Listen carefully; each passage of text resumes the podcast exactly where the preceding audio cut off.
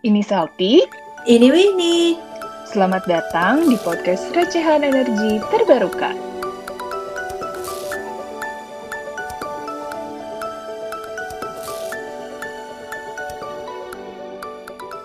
Terus Mbak kan udah cerita nih dari tadi tentang semua pengalaman Mbak selama membangun wind farm. Tapi ada nggak sih Mbak momen yang bener-bener Mbak tuh nggak bisa lupain banget nih? Entah itu momen bahagia, apa entah itu momen yang bikin kesel atau apa gitu?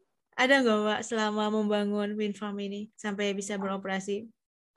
Uh, kalau momen seneng sih paling tadi sih, gue gue rasa dibanding peresmian ya, gue paling seneng lihat si BTG itu datang sih. Hmm. Lalu ya kedua ini sih sama in awe banget sama timnya kita waktu ngerjain si draft ya khususnya sama kan juga timnya beda kita the same itulah the same culture sama gaya tapi waktu si draft karena kita benar-benar ngelaluin semuanya bareng banyak kerjaan itu kelihatan banget. Itu orang-orangnya kayak apa gue gak bisa apa more than grateful untuk punya tim kayak gitu. Apalagi ini dibandingin uh, sama gue udah kerja kayak 8 atau 9 di 9 perusahaan lah. Ini adalah kayak kemarin tuh one of the best team yang gue pernah punya lah uh, dibanding yang lain-lain. Jadi itu kalau nggak mereka nggak kerjanya kayak gitu sih kayaknya susah juga tuh ngejar-ngejar ketemu deadline deadline yang diminta sama manajemen waktu itu. Kalau momen yang lain yang agak mungkin nggak terlalu ngenakin apa ya? Gue harus pilih salah satu ya Bentar. banyak nih berarti. Kalau mau bilang nggak ada juga boleh loh mbak. Nggak mungkin.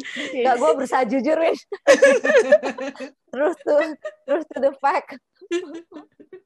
Oh ya berantem sama atasan tuh beberapa kali lah nggak sering sih tapi beberapa kali. Karena tensinya tinggi kan. Apa namanya stressfulnya tinggi. Masing-masing orang punya punya target sendiri-sendiri kan. Apa manajemen tuh pasti punya target sendiri-sendiri. Jadi kadang bentrok memang. Dan kita tuh kayak gue sebagai anak buahnya tentu saja biasanya ketiban sial. Karena si bos A mintanya apa bosnya minta B minta apa. Lalu pokoknya gimana pun caranya ya selesaiin lah anak buah gitu nggak mau mereka kayak ngalah dan gak bakal mau ngomong satu sama lain itu emang kita sebagai anak buah itu emang harus berpikir keras gimana cara nemuin jalan tengah di antara dua itu si A terpenuhi, si B terpenuhi. Dan memang kadang-kadang sering ini ya, sering debat-debat gitu sih sering. Eh bukan sering sih, pernah lah beberapa kali. Kayaknya ada satu kejadian yang kayak parah banget sih dulu. Mau berantemnya tuh belum parah karena gue udah stres banget, capek, kebanyakan kerjaan dan kebanyakan deadline. Dianya juga gue nggak tahu punya deadline apa. Ya sudahlah, sama-sama capek, sama-sama stres, berantem teriak-teriakan di tahun tapi untungnya ini ya apa menurut gue sih walaupun ada satu spesifik orangnya rada ngeselin tapi gue nggak ngeliat dia dendaman sih orangnya. Dan gue juga nggak. Jadi kalau misalnya kerjaan saat itu gue berantem berantem ya kalau abis itu selesai selesai. Udah nggak perlu di kayak ih gue nggak mau ngomong lagi ah bete. Menurut gue profesional tuh di situ sih. Lu udah satu masalah marah-marah kelarin ya udah gitu. Besoknya nggak usah kayak misalnya nggak mau ah ngerjain ini ah abis dia nyebelin sih udah nggak tahu ya nggak kepikiran. Soalnya dulu tuh kayak sibuk banget gitu. Bahkan yang mau ngebales orang atau mau orang tuh udah nggak kepikiran. Kayak gila kerjaan gue tuh udah banyak. Buru-buru mikirin kayak gitu-gitu gitu. Ini kayak gimana caranya ngebuang apa ngechecklist ngechecklist biar kayak selesai-selesai. Dari soalnya kayak meleng sedikit itemnya nambah lagi meleng dikit nambah lagi kayak ya ampun jadi intinya pengennya memang semua itu selesai pengennya lancar gitu koordinasinya bagus. Jadi memang harus ini apa nggak boleh ya untungnya yang lain juga gitu ya. Semoga sih pada gitu jangan gak ada yang dendam sama gue juga kalau habis gue melih tapi at least gue sama bos gue sih gitu dia habis ngamuk-ngamuk ke gue gue habis ngamuk-ngamuk ke dia ya udah besoknya kerja lagi. Nah terus mbak sekarang kan setelah dari UPC nih, Mbak kan pindah ya, tahu kami ke Sumitomo. Kenapa Mbak? Apa karena ngerasa, wah akhirnya nih udah selesai? Apa niat awal dari join UPC akhirnya memutuskan pindah atau sebenarnya memang ada alasan lain mbak? Gue mau jawabnya kayak ala-ala profesional aja deh. Tapi emang intinya maksudnya tanpa harus menjelaskan detailnya intinya adalah uh, ada yang gue pengennya di situ udah enggak tapi nggak nggak dapat. Jadi gue rasa selama gue itu bekerja di berbagai tempat kayaknya panjang ingatan gue ya gue nggak pernah pindah karena diiming-imingi gaji. Misalnya kayak eh pindah pindah ke PC ya nanti gajinya berapa puluh juta atau berapa apa nggak pernah kayak gitu sih. Eh, biasanya memang gue pindah karena gue ada tertarik sama apa yang dia tawarin. Dan setiap gue di perusahaan itu gue udah punya kayak target buat gue sendiri apa yang gue pengenin. Dan gue juga bilang diri gue sendiri kalau ada hal yang gue nggak bisa terima jadi kalau sampai itu kejadian ya sudah gitu. Nah waktu di UPC menurut gue itu yang terjadi. Ketika hal-hal target yang gue pengenin tidak tercapai uh, dan sepertinya saat itu tidak ada jalan ke sana ya itu sudah saatnya move on. Dan alhamdulillah sih ya makanya setelah gue juga itu sabar menunggu sampai COD and honestly bukan menyombong atau apa selama gue perjalanan divisi lima tahun itu yang nawarin kerjaan mah banyak interview udah banyak yang gue tolak banyak sampai pernah di blacklist gue sama salah satu perusahaan. Karena gue mendatangi mereka maksudnya gue menerima interview segala macam lalu akhirnya gue tolak. Lalu di blacklist dua tahun. Banyak gitu. Jadi tapi ya memang saya kan nggak mungkin juga uh, ngerobohin rumah orang gitu. Cara sosial kurang inilah cita-cita gue kira-kira mungkin bisa dijalankan di perusahaan itu makanya gue pindah karena yang di sudah tidak bisa dijalankan lagi. Jadi ya udah di Somo punya mimpi baru punya harapan baru berharap bisa dikerjakan juga. Makanya pindah. Begitu di Sumitomo mengerjakan hal yang serupa nggak mbak? Dan selanjutnya nih kita nyambung lagi ya berikutnya kan ke WPD juga nih. Mungkin ketiganya itu ada kesamaannya kah? Atau memang benar-benar uh, berbeda dunia yang berbeda gitu? Namanya adalah apa ya? Gak sih. Jadi kalau web kalau Sumitomo itu gue dulu situ business development. Uh, bedanya adalah kalau waktu di UPC karena proyeknya udah jalan ya. Walaupun kita judulnya juga gue kan posisinya ada bisnisnya juga. Cuman di sana tuh karena proyeknya udah jalan, kita tuh kayak kacamata kuda gitu loh selama kerja. Gak ngelihat di dunia luar itu ada apa. Kayak kalau misalnya orang-orang lagi pada ngomong ada bidin tarif lah apa. Kayak gue kayak terserah lu deh. Gue udah gak kepikiran yang kayak gitu-gitu itu kayak dunia luar tuh hampir dulu kan cita-citanya kayak oh pasti gue pengennya ikut asosiasi pengen acara ada exhibition apa mau ikut. Awal-awal masih semangat ikut lama-lama kayak aduh bisa nggak sih nggak usah ikut? Kayak udah nggak sanggup kayak gitu-gitu deh karena udah bayangan kerjaan udah fokus bikin project jadi memang dunia luar kayak super gitu lah nggak tahu selalu mau ngapain gitu gue lagi sibuk sini. Gitu di Sumitomo kebalik. Kita BD itu tugasnya karena Sumitomo dulu EBT-nya kan timnya baru departemennya baru. Jadi PR-nya memang banyak, tugasnya banyak membuka pasar, nyari partner, nyari project juga sambil ngembangin ekspertis sendiri. Jadi di situ dua setengah tahun gue di Sumitomo jadi belajar, jadi ketemu orang lah, gaul, jadi nggak kuper lagi gitu. Tapi memang belum ada project, jadi gue bergaul aja kerjanya di sana, ketemu orang, nyari projectnya, ke ke company, ngelihat apakah manajemen tertarik atau enggak tapi jadi bener-bener ini sih jadi bisa ikut exhibition bisa lunch meeting sama orang. Nggak kuper-kuper amat gitu ya mbak? kuper uh, bisa ketemu banyak orang lah bisa bisa ngobrol-ngobrol ketemu perusahaan-perusahaan lain. Kan dulu gue nggak pernah ini nggak pernah kayak begitu gitu. Apa berapa kali ada perusahaan lain nyari minta uh, jadiin partner sama UPC juga bos gue UPC itu lebih inilah. No no no no. Di apa ya dia udah tahu apa yang dia mau. Jadi begitu partnernya minta A dia minta B udah nggak mau nggak mau ego di bos gue di tapi kalau waktu di Sumitomo kan karena kita nyari partner dia lebih open for any kind of discussion any type of company dikenalin macam lah. Dan karena pembangkitnya nggak cuma PLTB uh, eh, dulu tuh gue renewable di apa aja yang kita dikerjain. Waktu itu gue pegang gas renewable dan clean energy ya gue megang gas jar proyek PLTB, jar buat solar, TV solar juga, lalu rooftop. Habis itu sempet ngerjain yang yang aneh-aneh apa ya? Oh, kayak mereka juga tertarik ngerjain EV, electric vehicle tuh. Jadi emang lebih ini sih karena lebih macem-macem uh, guanya juga terekspos sama hal yang beda-beda kayak gas tolpan kan itu bukan renewable ya tapi gue ngerjain itu juga jadi gue tahu sedikit dan harus belajar tentang supply. Kalau kita ngomong fuel kan bodo amat sama fuel source-nya dari mana, orang dari Tuhan gitu kan, nggak perlu dibayar, nggak perlu mikir dari mana. Nah, ternyata kalau di kayak PLTU atau PLTG yang itu fuel itu sakit kepala juga ternyata mikirin fuelnya. Makanya dulu pas lagi kerja, kayaknya dulu nggak nggak sepusing ini kenapa ya setelah dipikir-pikir oh iya nggak nggak mikirin fuelnya soalnya nah ternyata kalau mikirin fuel itu tuh repot tapi ya seru jadi kenal banyak banyak orang banyak banyak perusahaan juga jadi makin terkenal ya mbak iya kayaknya gue terkenal gara-gara waktu di Smutongo sebenarnya bukan waktu di IPC kayak di IPC tuh kayak lo siapa? Gue juga nggak tahu gue juga nggak kenal. Kayak Cooper abis gitu paling ya kenalnya siapa? Sesama orang Win doang itu juga karena ketemu pas lagi ini ya tender gitu kan. Tapi selain itu kayak siapa? Gue udah gak tau gak tau siapa siapa gitu kayak super super parah. WPD itu ya karena dia perusahaan baru sebenarnya agak mirip kayak Sumitomo jadi kita harus mendevelop proyek dari nol. Cuman bedanya karena dia pure developer dia mau kayak UPC gitu develop even sebelum ada tender dari PLN dia mau spend money untuk nyari lokasi pasang metower mungkin di lahannya gitu oke. Okay. kerjaan gue jadi kayak agak kombinasi WPC sama kombinasi di Sumitomo karena kita bantuin juga kan untuk nyari kalau untuk kayak solar gitu apakah mau partneran sama orang? Kalau wind farm sih uh, eh, WPD cukup ini ya PD sama sama kemampuannya lah itu udah kayak core-nya mereka lah wind farm itu. Uh, mungkin nyari paling nyari lokal partner gitu dapat mereka punya lahan kah atau apa. Tapi kalau yang lain ya nyari partner mungkin untuk proyek-proyek solar.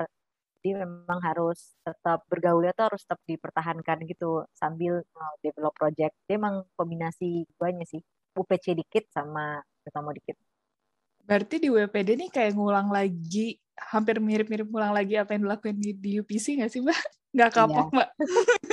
Sebenarnya kapok sih enggak sih, tapi memang iya itu memang pulang. Jadi untuk titik-titik tertentu buat orang kayak gue memang agak berasa repetitif dan agak bosen ya karena jalan di depannya tuh kayak udah kelihatan banget walaupun emang permasalahan pasti beda-beda lah beda lokasi mungkin yang di sini buat governmentnya mintanya aneh-aneh atau yang di sini lancar-lancar aja atau di situ lahannya susah atau yang di sini nggak ada lahan segala macam.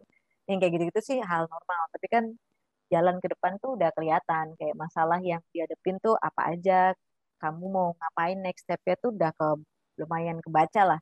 Uh, jadi untuk project development memang kalau menurut gue gue paling seneng waktu masa konstruksi masa konstruksi sama pas mau operation ya. Karena itu kayak masa-masa paling lucu dan masa paling seru. Jadi yang kalau nanti pokoknya gue sih saranin banget deh kalau bisa ikutan di bagian itu tuh. Tuh apa ya menurut gue kayak dagingnya uh, developer tuh di situ tuh. Susah senangnya lu kalau mau siap stres nah itu cobain aja masuk ke situ. Itu seru banget. Dan apalagi kalau misalnya UPC dulu ini ya Win ya apa agak alhamdulillahnya tuh dia tuh nggak terlalu kaku gitu loh. Kalau lu misalnya mau diskusi sama tim lain bisa gitu.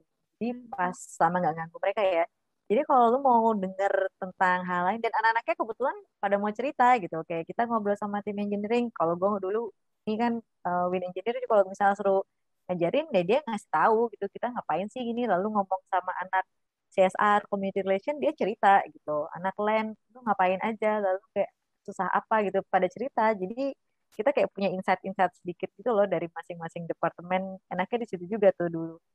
UPC tuh yang bikin beda lagi dan ini jarang banget kejadian di perusahaan lain. Dan dia nggak pakai EPC. Artinya kalau biasanya kan perusahaan punya, oh saya udah dapat project, dia akan nge-hire satu perusahaan yang mengurus semuanya. Jadi kita cuman sebagai owner cuman koordinasi sama satu party dan partinya ngurusin nanti dia kalau ada kontraktor sipil, electrical, apa yang buat buka jalan, logistik itu semua sama dia. Nah, PC itu enggak semuanya dikerjakan sendiri. Jadi titik poinnya tuh ya dia itu. Jadi ngerjain sipil apa koordinasi orang sipilnya perusahaan sipil kontraktor sipil kontraktor electrical di wind turbine manufacturer yang logistik semua dikerjain sendiri. Jadi memang uh, tingkat sakit kepalanya luar biasa itu buat project manajernya gue kayak lalu apa selamat ya gitu. Tapi itu menurut gue anak-anak IPC banyak banget pasti dapat ilmu di situ. Dan karena kita tidak dilarang dan anak-anaknya juga open kalau mau tahu banyak itu tuh bisa dapat ilmu banyak banget sih di situ. Gue nggak tahu ya kalau di company lain kan karena pakai IPC mungkin agak agak susah kan kayak uh, mana mau IPC cerita-cerita lu lagi ngapain aja gitu. Curhat lagi ada masalah kan harga diri kan nggak mau dia pasti bocor-bocorin. Hmm. nah itu menurut gue yang hampir nggak bisa didapat ya. At least sampai sekarang gue belum tahu sih ada perusahaan lain yang sini apa yang ngerjain jadi EPC-nya langsung gitu. Kayak uh, eh, EPC kayaknya sih jarang. Ya gue belum pernah ketemu lagi lah. Belum pernah dengar juga. BPD sih rata-rata pakai EPC ya. Tapi memang timnya sendiri. Jadi BPD itu punya kayak subsidiary atau punya afiliasi yang memang ngerjain kan. Tapi kan bukan kayak kita sendirilah. Ada timnya lain. Nah itu kita dulu kayak gue yang ibaratnya orang komersial bisa ngetepin ke konstruksi kayak nanya lagi ngapain dan karena gue juga reporting ke PLN kan buat progres nah akhirnya ke dapat dapat ini juga exposure ke situ. Jadi tahu mereka lagi ngapain kayak hal-hal lucu hal-hal lucu tanda kutip yang ditemuin anak-anak konstruksi di lapangan tuh. Jadi kayak antara kasihan sama mau ketawa ada tim yang dihukum di luar karena kayak deadline-nya udah kelewat. Jadi mereka tuh sama bos gue harus ngawasin bener-bener on spot. Biasanya kan kontraktornya sendiri lah kita tinggal dikasih report gitu. Tapi karena mereka kayak di itu tuh uh, salah satu leadnya tuh akhirnya kayak kayak dihukum gitu. Dia harus benar-benar berdiri di pinggir lapangan ngeliatin yang kerja sampai sore. Kasihan banget itu. Ya kayak gitu gitu jadi kita kayak ya kasihan tapi ya ketawa juga kan. Lucu-lucu jadi ceritanya dan jadi belajar kalau nanti suatu hari kita ikut di situ jadi kayak tahu hal-hal kecil yang nggak pikir karena uh, interface masing-masing itu tuh biasanya yang susah. Ya kayak tadi gue bilang ya yang kontak positif kan pokoknya gue kerjain gini aja bodo amat yang orang lain ngejain apa kan bukan scope gue nanti begitu A ketemu B bingung ini siapa yang mau ngurusin A ketemu B, B salah siapa nih kalau nggak cocok? Nah, kayak gitu gitu tuh yang bakal jadi jadi seru sih seru banget. Kalau mau kerja keras sih atau mau mau nggak tidur tidurnya berkurang sih belajar dapat banyak itu sih buat yang mau cari tantangan uh, ya mungkin tantangan hidup. Iya. itu ini sih maksud gue nggak semua perusahaan juga ya ngebiarin anak-anak apa kayak pegawainya ibaratnya pecicilan gitu loh ke mana-mana gitu nanya-nanya ngobrol cari tahu ikut gitu. Ibaratnya kan nggak semuanya kayak gitu dan orang-orang juga kan nggak semuanya open kan. Tapi kalau di sana tuh open banget. Cukup open lah untuk kayak kita tahu teman kita lagi ngerjain apa atau departemen lain tuh lagi ngerjain apa gitu. Dan akhirnya karena agak open kalau ada masalah yang kan nggak mungkin kita kalau ada masalah cuma satu departemen doang pasti banyak karena ikut kayak development team, plan team, konstruksi. Kayak misalnya kita mau buka mau buka jalan gitu orang konstruksi kan pasti nanya ini lahannya udah dibeli apa belum? Gitu sama anak lain nanti anak lain juga harus ngecek ini memang lahan yang udah sesuai desain apa belum gitu. Kan kadang orang namanya juga orang konstruksi lapangan mungkin patoknya hilang atau gimana akhirnya ngebudos area yang belum dibeli akhirnya dikomplain nanti orang komite risknya datang lalu kira oh ya sudahlah dibeli aja orang lainnya datang nah kayak gitu kan kalau nggak sering koordinasi kan bubar ya lu jalan sendiri sendiri gimana ceritanya? Makanya mereka tuh yang judulnya koordinasi tuh nyebelin tapi emang harus nggak bisa kayak mikir sendiri putusin sendiri nggak ngomong sama orang pokoknya ini kerjaan gue ntar aja terserah kalau misalnya masalah kan balasan gue yang penting gue udah ngomong. Itu tuh nggak nggak jalan deh buat gue kalau di sana untungnya ya pada mau ngobrol sih jadi emang PR tapi koordinasi itu sangatlah penting untuk project-project yang lagi konstruksi development gitu. Yang banyak orang lah penting banget. Itu gue nggak bisa stressing enough about that. Koordinasi itu penting penting ya ampun Aku jadi penasaran deh, kan ini dulu juga UPC, Mbak Prima juga UPC. Nah sekarang tuh sebenarnya apakah memang bukan leluhur sih, apa ya kalau leluhur saya tua banget. Kayak orang-orang yang dulu di Sidrap tuh emang sebenarnya udah pada keluar semua sekarang, sepengetahuan hmm. kalian. Kita bukan orang Sidrap sih, kita orang holding. Eh orang UPC ini ya. juga holding ya? Iya, holding. di renewables. Uh, beberapa udah sih, udah jadi Mayoritas udah lah ya Mbak ya. Udah trauma apa ya, Udah lulus dengan memuaskan kayaknya. Bini kabur ke Baiwa kan, ke Thailand. Atau Novi ngambil uh, kuliah S3 ya. Iya. S3. Uh, Win Engineer tuh udah pada bubar aja, uh, Mbak. Iya, ya. Si bosnya Winnie dulu sekarang di Thailand. Di lupa nama perusahaan. Iya, tapi di Thailand juga.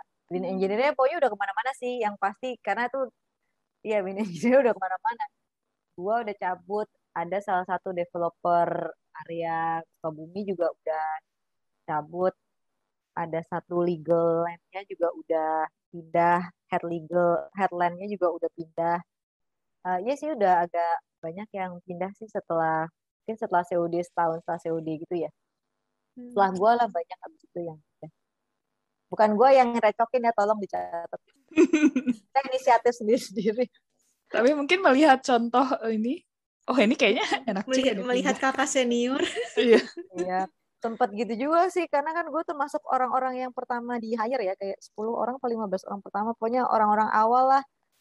Jadi kayak waktu pas gue cabut, kayak kenapa mbak, kenapa kayak takut itu loh, apa kayak takut ada apa dengan perusahaan itu. Ya gue sih bilang, enggak, nggak ada apa-apa sama perusahaan, emang cita-cita gue udah tercapai gitu, dan apa yang gue pengenin untuk bisa bertahan di sini nggak dapet. Jadi ya sudah.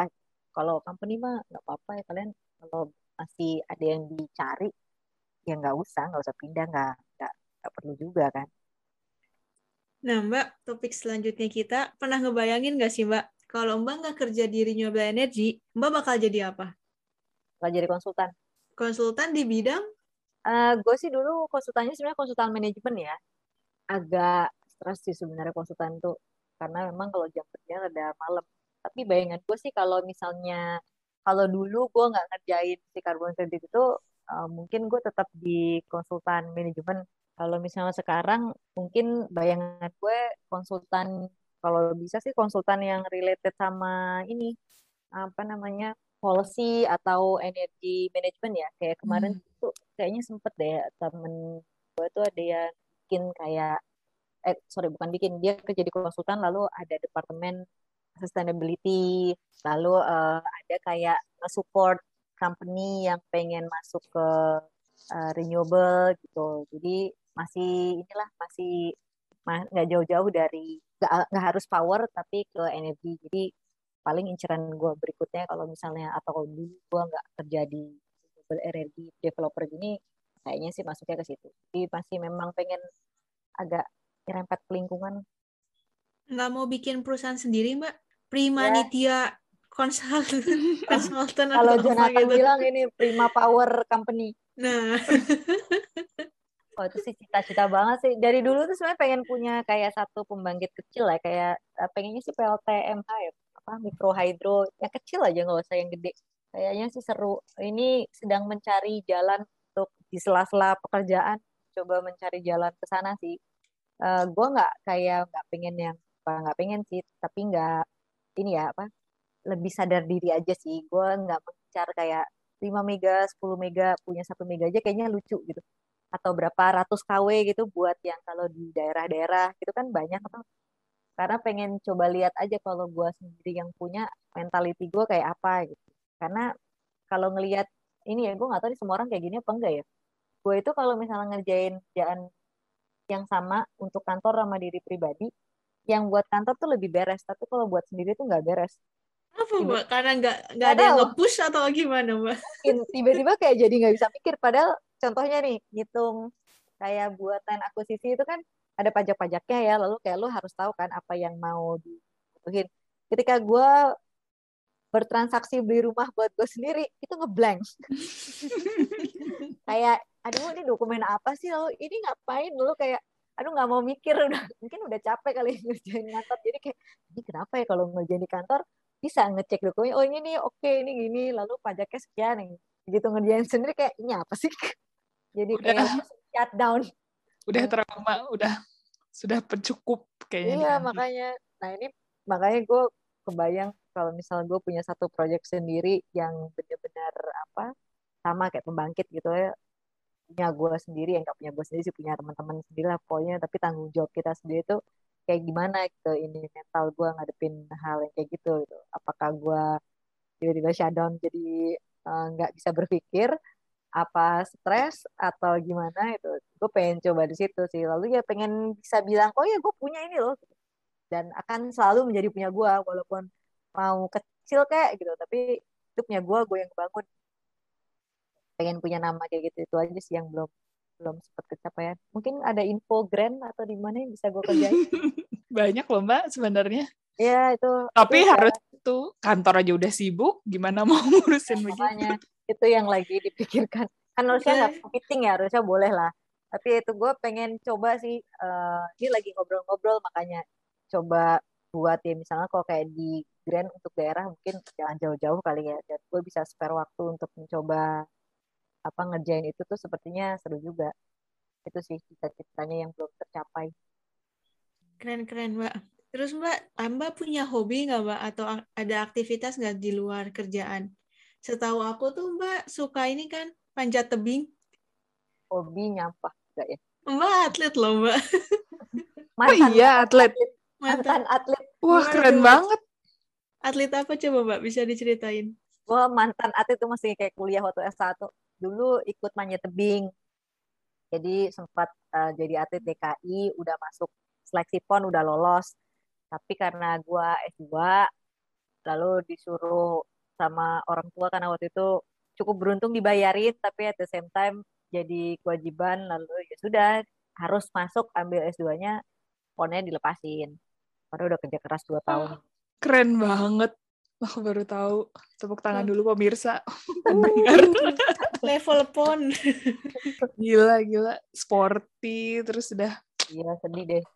Seru sih, apa panjat tebing itu apa ya? Sekarang uh, masih?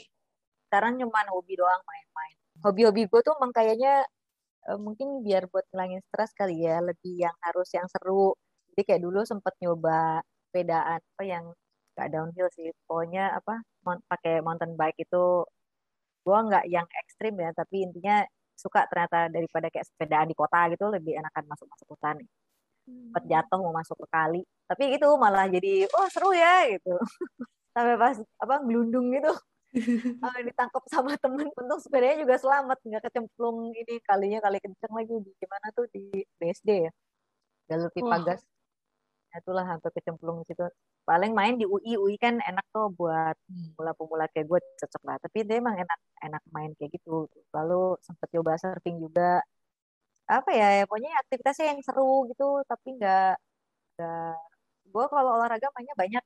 Waktu dari kecil tuh kayak hampir semuanya gue coba. Sampai yang aneh-aneh kayak anggar waktu SD gue ikut anggar. Uh, basket volley waktu kecil juga tenis itu dikursusin Wow. Iya, soalnya dulu di Jawa Timur, gue sekolah di Jawa Timur kan. Itu hmm. kayak semua, entah kenapa kayaknya semua orang itu anak-anak tuh standar banget bisa main tenis. Jadi gue hmm. juga harus main tenis. Agak telat sih gue dulu tiga, tiga SD aja udah telat. Orang-orang udah pada mulai. Gue juga tahu di sana. Iya makanya orang banyak itu udah kayak kayak common gitu loh anak-anak main SD eh apa SD main tenis itu di sana. Gue juga nggak tahu kenapa lalu nyoba anggar basket. Yang paling aneh sih paling anggar lalu di situ ketemu iya anggar gimana ceritanya tuh? Iya dulu apa ikut klub. Ikut klub di Senayan situ. Nyokap kan orang KONI ya Komite Olahraga Nasional Indonesia. Dia hmm. uh, gak tahu sih waktu itu gimana ceritanya. Tiba-tiba kayak ada ketemu orang lalu coba main anggar nggak prima? Oh boleh deh kan masih SMP ya waktu itu. Jadi masih bisa di inilah masih bisa dibentuk. Lalu sempat ikut uh, renang kompetisi juga waktu kecil ikut klub. Jadi makanya olahraga udah mendarah daging. Kayaknya kalau nggak nggak main kayaknya gatel. Tadi tuh bilangnya cuma hobi tapi ikut kompetisi iya. gitu. Hobinya serius hobinya luar biasa sangat berprestasi ya mbak waktu S1 main futsal juga kan ada kompetisi tiap tahun kan kalau di hukum itu uh, antar angkatan. Hmm. gue main futsal juga lalu sempat taekwondo sempat karate sempat kompet juga taekwondonya. Ya, jadi gitu lah sempat diantem ketendang sama tuh apa sabung gua apa sabuk hitam latihannya sama anak sabuk putih. Ketendang di leher sampai nggak bisa nafas. Ya ampun. Ya black juga kalau dipikir-pikir gila juga nekat amat wah kalau terjadi sesuatu nggak jadi tuh si drop. Iya. oh, iya jadi dulu latihan taekwondo itu karena lagi manjat gue kepikiran kayak harus punya kegiatan lain yang buat apa ngedukung si manjatnya. Gue pilih taekwondo karena kan dia banyak melatih kaki sama ini kan apa kardio. Ya hmm. ya udah jadi buat nge-support itu. Itu juga sih jadi akhirnya ya udahlah. Ya udah taekwondo buat ini latihan kakinya. Karena kalau dipanjat kaki juga harus kuat gitu kan ya seru sih panjat tebing itu nggak ngelawan orang ngelawan sendiri ngelawan dirinya oh iya benar sih Makanya. jadi kalau oh. mau kalah ya salahin aja diri lo sendiri kenapa lo nggak jago kan Keren banget sih, ya ampun Mbak. Akhirnya kita sampailah di sesi terakhir nih. Sebenarnya ada sesi satu lagi nih Mbak. Itu namanya kita nyebutnya rapid fire questions. Jadi kita kayak ngasih pertanyaan, terus Mbak jawab dalam satu yeah. detik atau dua detik. Cuman 10 pertanyaan sih. Cuman kita kayak nggak perlu penjelasan sih mbak kecuali kalau mau diklarifikasi ya tapi kita kayaknya nggak okay. perlu lah